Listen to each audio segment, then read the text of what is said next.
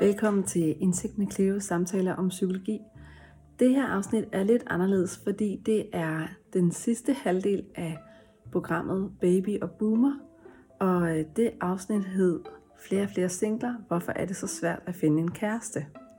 Og det er et program, som også er en podcast, som bliver udgivet af 24-7. Og her sidder jeg sammen med verden Felicia Sar og gæsteverden Troels Hækker – og en gæst, Munir Mugin. Og hun lever i et åbent parforhold. Og så er der selvfølgelig mig inde som ekspert, når det gælder åbne parforhold og polyamori. Så det er et lidt anderledes format, fordi det faktisk er et debatprogram. Rigtig god fornøjelse.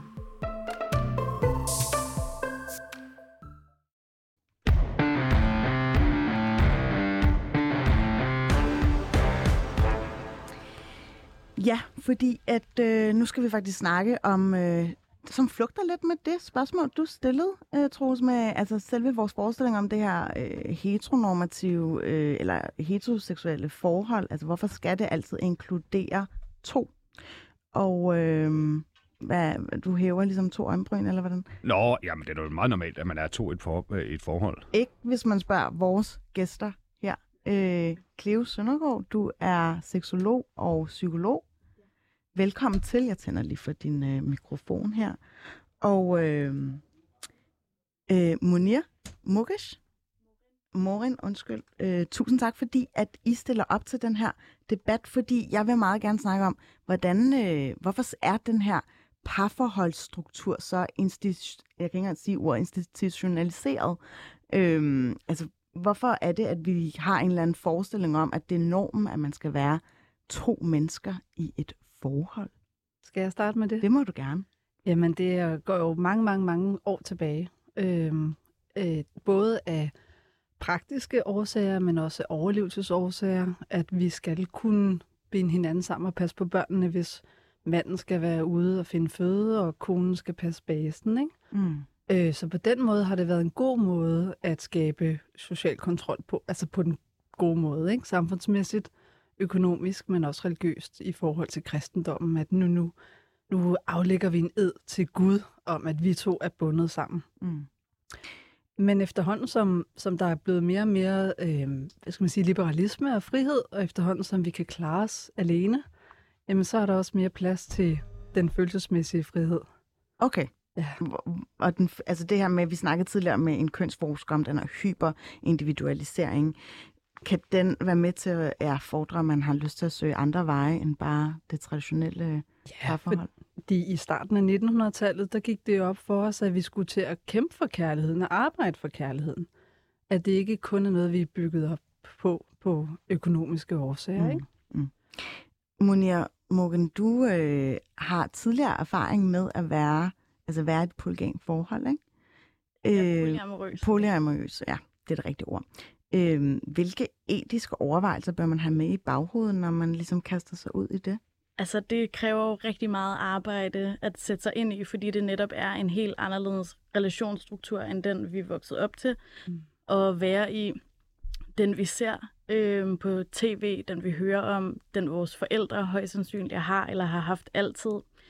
Øh, så hvordan kan vi komme ind i et forhold, hvor alt ligesom skal vendes på hovedet? Hvor jalousi ikke er noget farligt, men hvor det er noget, som vi skal snakke om og arbejde på, hvor vi skal mødes med nogle følelser, som vi har lært at undertrykke. Øhm, mm. For eksempel det her med at være tiltrukket af andre, vil have sex med andre, være forelsket i andre, og lige pludselig gøre det til noget, der er normalt, noget, der måske er fejret, noget, der skal være en del af en relation. Og det kræver rigtig meget arbejde. Det er ikke noget, man kan springe ind i og sige, okay, men så det lyder mega sjovt øh, at have sex med andre, eller have flere kærester. Det gør vi bare. Mm. Så. Cleo, hvad er egentlig mm. dine erfaringer fra klienter, der lever i de her åbne forhold? Ja, er det okay at gå et skridt tilbage og lige lave nogle orddefineringer? Fordi der er stor forskel på, om det er, om det er polyamorisk, mm. eller om det er polyseksuelt. Øhm, fordi det, der, vi, vi har det monogame forhold. Og så er der polygami, det betyder noget med nogle flere. Øhm, hvis det er polyamori, så er det, at man kan have følelser for eller være i et, et relationelt forhold til flere. Er det polyseksuelt, så er det et åbent forhold. Altså så er det kun seksuelt, men vi har hinanden udelukkende følelsesmæssigt.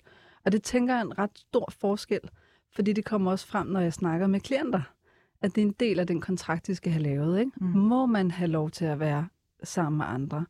Må man have følelser for andre? Det skal være ret klart. Øhm, og jeg erfarer også, at hvis det startede på et utroskab, for eksempel, at den ene har været den anden utro, og så kommer til bekendelse og siger, at i virkeligheden vil jeg gerne have et åbent forhold, så bliver det rigtig, rigtig svært, og der vil det nok gå galt. Fordi der er der nogle svigt, som vil komme op senere hen, som er meget hårdere at arbejde med. Øhm, så som du også siger, jamen, så skal vi aflære nogle gamle vaner, fra hvor vi ikke er særlig ærlige. Hvor vi plejer at holde det nede og holde det skjult. Mm. Når vi har et, et åbent forhold eller et polyamorøst forhold, så skal vi tvinge os selv lidt til at være endnu mere ærlige. Øhm, fordi at utroskab i et åbent eller et polyamorøst forhold, det er illoyalitet, hvis man holder ting inde, eller hvis man tilbageholder sandhed. Mm. Er det noget, du kan genkende til, Monia? Helt sikkert. Mm. Altså, der er den her forestilling om, at hvis man er i et åbent forhold eller polyamorøs, så har man ingen regler. Og det er, det er helt modsatte. Ja. Man skal sidde ned og netop lave en kontrakt, eller snakke en masse ting igennem. Og mange Har du lavet en, en kontrakt med din partner? Vi har... Øhm, altså, nu er jeg kun med én partner, og jeg har været i så mange forskellige konstellationer, og der er ikke en, der har været ens. Fordi vi er nødt til at sige, hvad er mine rammer og grænser, hvad har jeg lyst til, og så lave en aftale på baggrund af det. Og hvis man overtræder de aftaler, så er det jo utroskab eller svigt Mm. på et eller andet plan. Mm.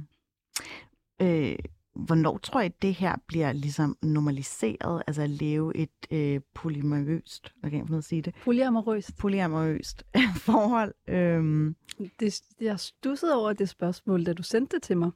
Fordi i min verden handler det mere om forskellige turer, øh, kulturer eller subkulturer i vores samfund. Hvor i nogle subkulturer i vores samfund er det hypernormaliseret, okay, og i andre er det kommer det an på, hvilke sfære du ligesom... lige præcis. Okay. Ikke? Fordi det er faktisk ret normaliseret. Øhm, jeg hører også, øh, når veninder fortæller andre veninder om, at de lever et åbent forhold øh, til folk, der lever et monogamt forhold, jamen så, så ryster de lidt på skuldrene og siger, nå, fair nok, øh, hvad er jeres udfordringer så? Mm. Hvordan går det? Men grund til, at jeg stiller spørgsmål, det er bare, kan I pege på nogle strukturer, som er indlejret i samfundet, som er med til at reproducere den her tosomhed eller parforholdet, som gældende mellem to parter? Ja. Altså hvis du tager på øh, restaurant eller i biografen eller et hotelværelse, du, så kan du få et dobbeltværelse, ikke? der er beregnet til to mennesker. Så der er nogle, der er nogle ting sådan helt formelt set, der, der skal Mm. laves om, for at det kan være nemmere. Men det er også bare det her med forældregenerationen, når vi taler om boomer, ikke? at der er rigtig meget øh, undervisningsarbejde, der ligger i det, og man skal have meget tålmodighed med forældre og familie. Fordi der går lang tid, før der kommer normalisering derinde. Ikke? At pludselig skal de se ind i et nyt lys. Det er jo kendt egentlig i mange år, hvor man har været serielt monogam. Mm. Og så skal man have lov til at komme med sine to kærester. Det, det er ret nyt. Øhm, Hvordan har din familie reageret, når du øh, tog en eller to eller tre kærester med? Altså, der har været nogen, jeg har fortalt det til, og nogen, jeg ikke har fortalt det til. mm. Øhm, fordi at det har været så stor en, en udfordring, altså at gå ind i det og netop udfordre de strukturer. Øhm, der har øh, der har været mange spørgsmål i mit hoved om, hvad hvis det kommer til et punkt, hvor jeg gerne vil have dem med til fam- familiearrangementer. Og det skal man jo være klar til at have en, en, en dialog med sin familie om, eller have en, øh, en konflikt omkring, eller potentielt set holde det hver for sig. Altså, og på den måde er det jo enormt ikke normaliseret endnu, at vi faktisk kan være så åbne og sige, okay, jamen, mig og mine kærester, eller dem jeg dater, kommer med til min næste fødselsdag. Fordi hvordan, hvad siger familien til det? Mm. Det er meget unormalt stadig. Mm. Okay. Hvad vil du sige, Troels, hvis du var til et middagsselskab, hvor der var en, der havde taget sine tre kærester med? Men jeg er, jeg er super, øh, jeg, jeg er super liberal, ikke? Jeg er nærmest indifferent. Men vil du ikke Mm. teste tesen om, hvorvidt det vil fungere eller ej? Altså, hvad vil fungere? Om, om, om man kan, altså sådan, du vil nok være lidt nysgerrig, eller... Egentlig ikke. Nå. Altså, jeg synes, folk bare skal gøre, hvad de vil. Mm. Altså, længere end ikke. Øh, det- deres sex, seksuelle liv øh, interesserer mig egentlig reelt set ikke særlig meget. Jeg ved, Monia, at du tidligere på Twitter har skrevet, at øh, heteroseksualitet kan være enormt begrænsende. Mm-hmm. prøv at forklare til alle, der ikke har læst din tråd om, hvorfor det gør sig gældende. Altså, det jeg oplevede, da jeg voksede op, var den her tese med, at øh, hvis man er i et parforhold, så er der ligesom en masse hemmelige regler øh, og normer, som man må ja, ja, affinde sig med. Blandt andet, at hvis man øh, er en kvinde, der er i et forhold med en mand, så må man ikke have andre drengevenner, og vice versa. At det på en eller anden måde bliver... Øh, altså, det, det er noget, der er farligt, eller det er noget, som øh, potentielt indeholder et eller andet hemmeligt agenda, hvis man har en god ven af det modsatte køn. Og det er jo en af de der øh, normer, som er meget heteroseksuelle. Mig, som altid har været biseksuel, har det, har det ikke kunne passe ind med, fordi at hvad så med mine veninder, altså har de så også været potentielt farlige? Og jeg spurgte det her spørgsmål på Twitter, må jeg så have nogle venner, nu når jeg er biseksuel? Mm. Og det er jo sådan en ting, hvor altså, der har vi det der heteroseksuelle syn, hvor alt er lidt binært, ikke? Der er mænd, og der er kvinder, og der er venner og veninder, og det holdes hver for sig. Så på den måde i sig selv er det jo, er det jo noget, en, en struktur, man skal gøre op med, og som er indlejret, at vi kan ikke have tætte relationer med folk, vi er tiltrukket af. Og det i sig selv er en af de normer, der er så skadelige, og så er så monogame også, og som man skal gøre op med, når man bliver, øh, eller kaster sig ind i det her med polyamori, at mm jalousi er så ikke farligt. Det er noget, vi skal lære at leve med. Men hvordan har du lært at leve med det, eller hvordan har du i tale sat det og, og brugt det som ja, en motor, eller ja, hvordan har det egentlig haft noget som helst med din forhold at gøre? Fordi jeg tænker, at man bliver jaloux til en vis Det gør grad. man, ja. Det er så normalt, og det er så svært at arbejde med. Vi har jo fået lært, at vi skal undertrykke det, eller som jeg også skrev på Twitter, det er den andens skyld. Jeg er jaloux nu, du har gjort mig mm. jaloux. Øh, og vende den ind selv og sige, okay, hvor er det, min usikkerhed kommer fra? Bliver jeg bange, når du er sammen med en, du dater, eller bliver jeg bange for, at jeg bliver kastet væk, eller at du ikke finder mig attraktiv længere, eller at det er inde på vores forhold? Det er sådan nogle ting, man skal vende på hovedet og arbejde med, og det er mm. super svært. Mm. Mm. At, at det, jeg tænker, Cleo, i forhold til det, de her erfaringer fra klienterne, er jalousien ikke bare, altså alfa, eller den gør sig i hvert fald gældende, uanset om man lever i øh, monogami, men også øh, ja, jo, med flere. Hos, mere, hos nogen mere end andre. Men når man er i et åbent forhold eller et polyamorøst forhold, øh, så bliver jalousien også set som en smutvej ind til noget mere erkendelse og noget mere bevidsthed. Fordi du er lidt tvunget ved, som, som du også siger, at kigge på, jamen okay, hvad er det ved den her person, der trigger min skyggeside? Handler det her om, at jeg er misundelig på noget? Handler det om en grundlæggende følelse af tilstrækkelighed? Eller en frygt for at blive ladt alene? Så på den måde kalder jeg også åbne forhold som altså for en ekstrem sport i parforhold. Mm. Fordi du er virkelig tvunget til selvudvikling i det. ja. For du bliver hele tiden konfronteret med dine usikkerheder. Ja. Og du kan ikke løbe i, du kan ikke løbe i flyverskjul. Er det så det værd, har jeg lyst til at driste mig at stille af spørgsmål? Altså, ja. det er i hvert fald en rigtig god indgangsvinkel til at finde ud af, hvordan man vil have forhold på. Fordi man netop er tvunget til at prøve en masse ting af, som man har fået lært, at der kun er én vej til. Og nu har man hele det her landskab, man kan udfordre og finde ud af, hvad er det for nogle regler, jeg vil leve under? Hvordan skal mine aftaler være? Hvad gør mig glad? Hvad gør mig ked af det? Og det tager lang tid. Mm. Der er ikke en one size fit all til polyamori eller åbne forhold. Man er nødt til at finde ud af, hvor det passer ind i ens liv og ens kærlighedsramme, øh, eller sexlyster og øh, troskab øh, til både ens selv og ens partner at finde ud af, hvordan man skal gøre de her ting. Mm. Det er svært. Mm. Ja.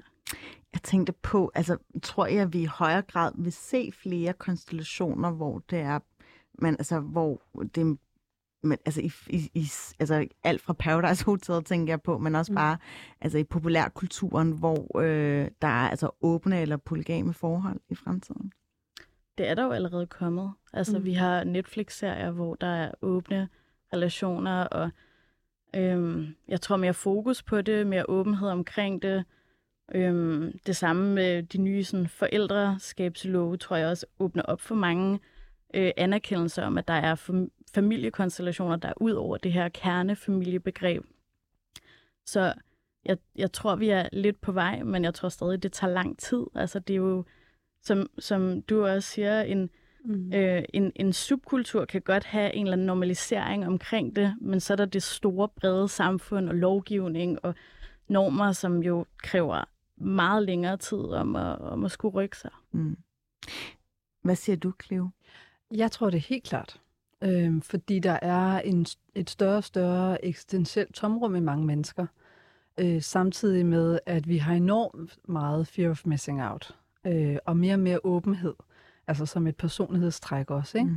Så vi skal jo både prøve at klatre Mount Everest, og vi skal tage psykedeliske stoffer, og vi skal det ene, og vi skal det andet for at udfylde det her tomrum, især i vores præstationskultur. Mm. Så vi skal smage på det hele, og jeg tror, at der bliver flere og flere åbne parforhold, efterhånden som det bliver normaliseret, efterhånden som, som man er bevidst om, at det overhovedet er en mulighed. Mm. Men jeg vil som psykolog bare bede til, at man får lavet sit eget arbejde først.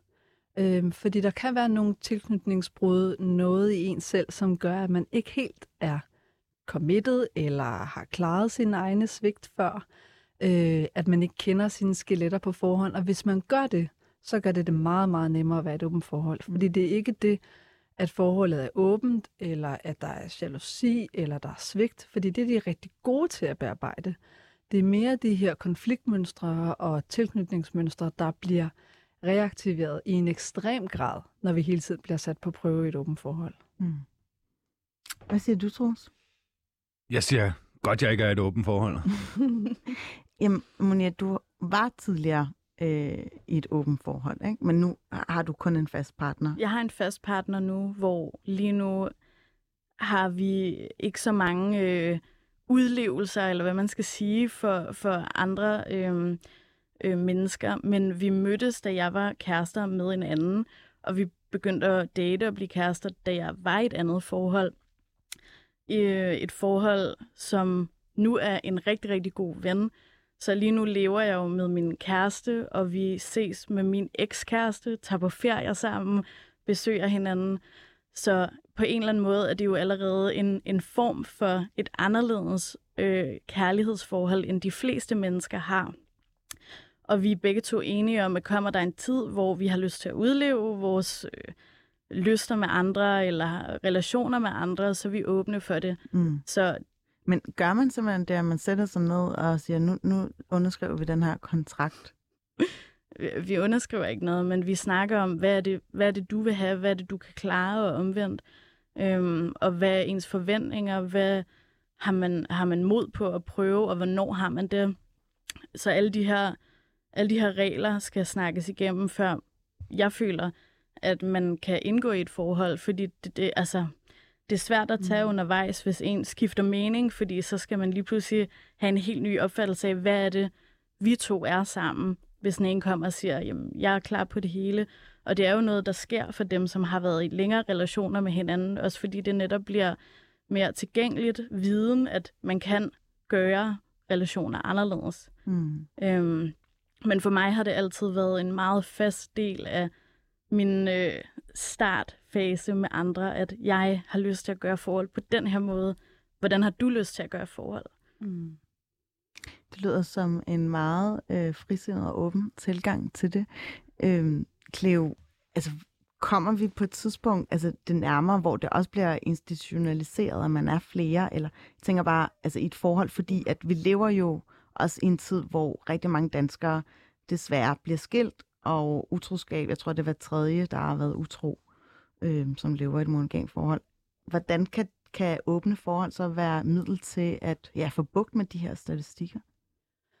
Øhm, altså nu er jeg ikke fremtidsforsker, og, øh, og vi lever i en tid, hvor vi kan klare os selv. Så jeg, øh, jeg er heller ikke fan af, at man siger, at, at kvantitet eller længden på et parforhold definerer kvaliteten af det. Øhm, fordi hvis man er med at slide hinanden op, eller man faktisk har det bedre med at blive skilt på et tidligt stadie, så man stadig kan holde ud og se på hinanden, når man har børn sammen, så er det jo egentlig meget godt at blive skilt. Øhm, når det er sagt, så synes jeg, at åben forhold, det, når det går godt, kan bidrage til et meget, meget tættere forhold. Fordi du er tvunget til at sidde og forventningsafstemme en gang imellem. Du er tvunget til faktisk at stå ved dine behov, og stå ved dine lyster, men også dine grænser. Øh, så det bliver meget, et meget transparent relation. Mm. Det kan man ikke gøre det i klassisk øh, monogam forhold? Eller abonnerer du på den her med, som Monia sagde, at det godt kan virke lidt for besnærende at, at dyrke altså heteroseksualiteten? Jo, men, men jeg, jeg kunne bare godt være nysgerrig på, øh, hvor meget man egentlig kan tale om i et monogam forhold over tid. Når man ligesom har prøvet de ting af, man ville, og så videre, og så videre. I et åbent forhold, der kommer der hele tiden nye udfordringer. Øh, nu kan jeg også høre, at I har et dynamisk forhold, så I lukker også ned, øh, når det så er svært, og man skal have styr på fundamentet, eller nå nærmere hinanden, ikke? Ja. Men nu tænker jeg bare på ja, et dyreriget, hvor der er nogle dyr, der i hvert fald har øh, forhold til hinanden på kryds og tværs. Er vi egentlig overhovedet sådan evolutionært eller menneskeligt skræddersyet til at være i monogame forhold? Øhm, jeg tror grundlæggende, og nu, nu taler jeg bare op af, af Esther Perel, som har skrevet mange bøger om emnet, at grundlæggende er vi nok primært indrettet til at leve monogamt. Øh, fordi det bedst kan betale sig for arten og vores børn at have en fast base. Mm. Øhm, men, Men det er ikke nedarvet kulturelt. i, jo, til dels også, øh, men, men evolution og kultur hænger jo sammen. Øh, men på den anden side, så er der stadigvæk en del af os, der har lyst til andre. Men de to udelukker ikke hinanden. Vi kan godt have lyst til andre at blive forelsket i andre, selvom at vi lever monogamt. Men hvis man kan mærke, at det her det er en kæmpe stor værdi for mig på et eksistentielt plan, at det faktisk er noget, der er vigtigt for mig i mit liv, at jeg skal kunne ud, altså udleve, jamen så skal man gøre det op med sin partner og prøve at genforhandle sit parforhold, hvis man vil åbne det. Men lad for guds skyld være med at starte med utroskab. Det er simpelthen øh, en måde at punktere sit forhold på, eller starte i minus, inden man ligesom kaster sig ud i det. Jamen selv hvis det går godt, og man rent faktisk får øh, arbejdet så langt, at man lige så stille, og det kommer til at gå langsomt efter utroskab. Mm. Hvordan er sådan noget som utroskab, hvordan bliver det bearbejdet, Munja? Altså, jeg har været heldig, kan man sige, ikke at have været udsat for det, øh, eller gjort det selv under mine øh, åbne relationer. Jeg tror netop på grund af, at vi har snakket om tingene før, at det har nået til et punkt, hvor man føler, at man er fedt op, at man ikke kan være i det længere, eller at man er nødt til at skære ud for at øh, følge sit hjerte eller sine lyster. Så øh, det er jo også en af de plusser, øh, jeg har oplevet ved åbne forhold, at det ikke skal nå til et punkt, hvor det lige pludselig er forkert at have lyst til at have sex med nogle andre, eller at date nogle andre. Ja. Ja, altså det er, jo, det er jo det, man kan sige, at man skal arbejde sig frem til, at nå til et punkt, hvor man faktisk kan være ærlig omkring de ting, man har lyst til, og de ting, man føler. Og det er ikke noget, der kommer gratis. Det kræver arbejde. Øhm, men uanset hvad, så gør det jo ondt at øh, møde utroskab og Mm. øh, møde hemmeligheder. Mm. Hvad tænker du, Troels, i forhold til Jamen, jeg øh, tænker, at det- monogami kontra... Ja. Jamen, jeg tænker, at det lyder jo faktisk øh, på mig som om, at der i virkeligheden ikke er så stort øh, en forskel på et monogamt øh, parforhold, mm. og i forhold til øh, også sådan et polyamorøst, eller hvad betegnelsen nu end er. Det handler om, at man skal kende sine egne grænser, man skal respektere den anden, og man skal øh, tale om øh, sine følelser i, i en fornuftig relation. Ikke? Altså, Ja. Øh, Så i virkeligheden er, er det måske ikke... Altså, det lyder på mig som om, at det, det ikke ligger så langt fra. At det er nogenlunde de samme overvejelser. Ikke? Altså, mm. Mm. altså, man skal kommunikere. Mm. Man skal være emotionel, altså man skal være bevidst om sine følelser og så videre. Mm. Ja, og ikke for beskeden, fordi man kan godt komme til at gå med til mere, end man har lyst til. Og så kan der opstå rigtig mange misforståelser, især i et åbent forhold. Ikke? Mm. Fordi hvis begge parter prøver at gøre den anden glad ved at gøre det, man tror, den anden gerne vil, øhm, så kan det skabe rigtig store misforståelser. Mm. Cleo Søndergaard, psykolog og seksolog. Tusind tak, fordi du gad være med i dag og Velbekomme. lære mig at sige polyamorøs. Polyamori er navnet. Polyamori. Polyamorøs er Polyamorøs. Det må jeg lige øve mig på. Ja. Jeg synes bare, at det lød øh, nemmere sagt end gjort. og tusind tak til dig også, Monia Mugen. Du er tidligere ledet i det her polyamorøse forhold. Og øh, så er du også kommunikationsansvarlig hos Normstormerne. Det er måske vigtigt at have med. Og sidst men ikke mindst, Troels Hækker, tusind tak, fordi du gad at være assisterende medvært. Har det været nogenlunde okay? Ja, Nå, og du trækker lidt på den. Ja, men jeg håber, at uh, du får lov til at være med en anden god gang, hvor vi kan leve op til dine høje forventninger. Du har lyttet til Baby Boomer. Mit navn er Phyllis Jassar. Tusind tak for denne omgang.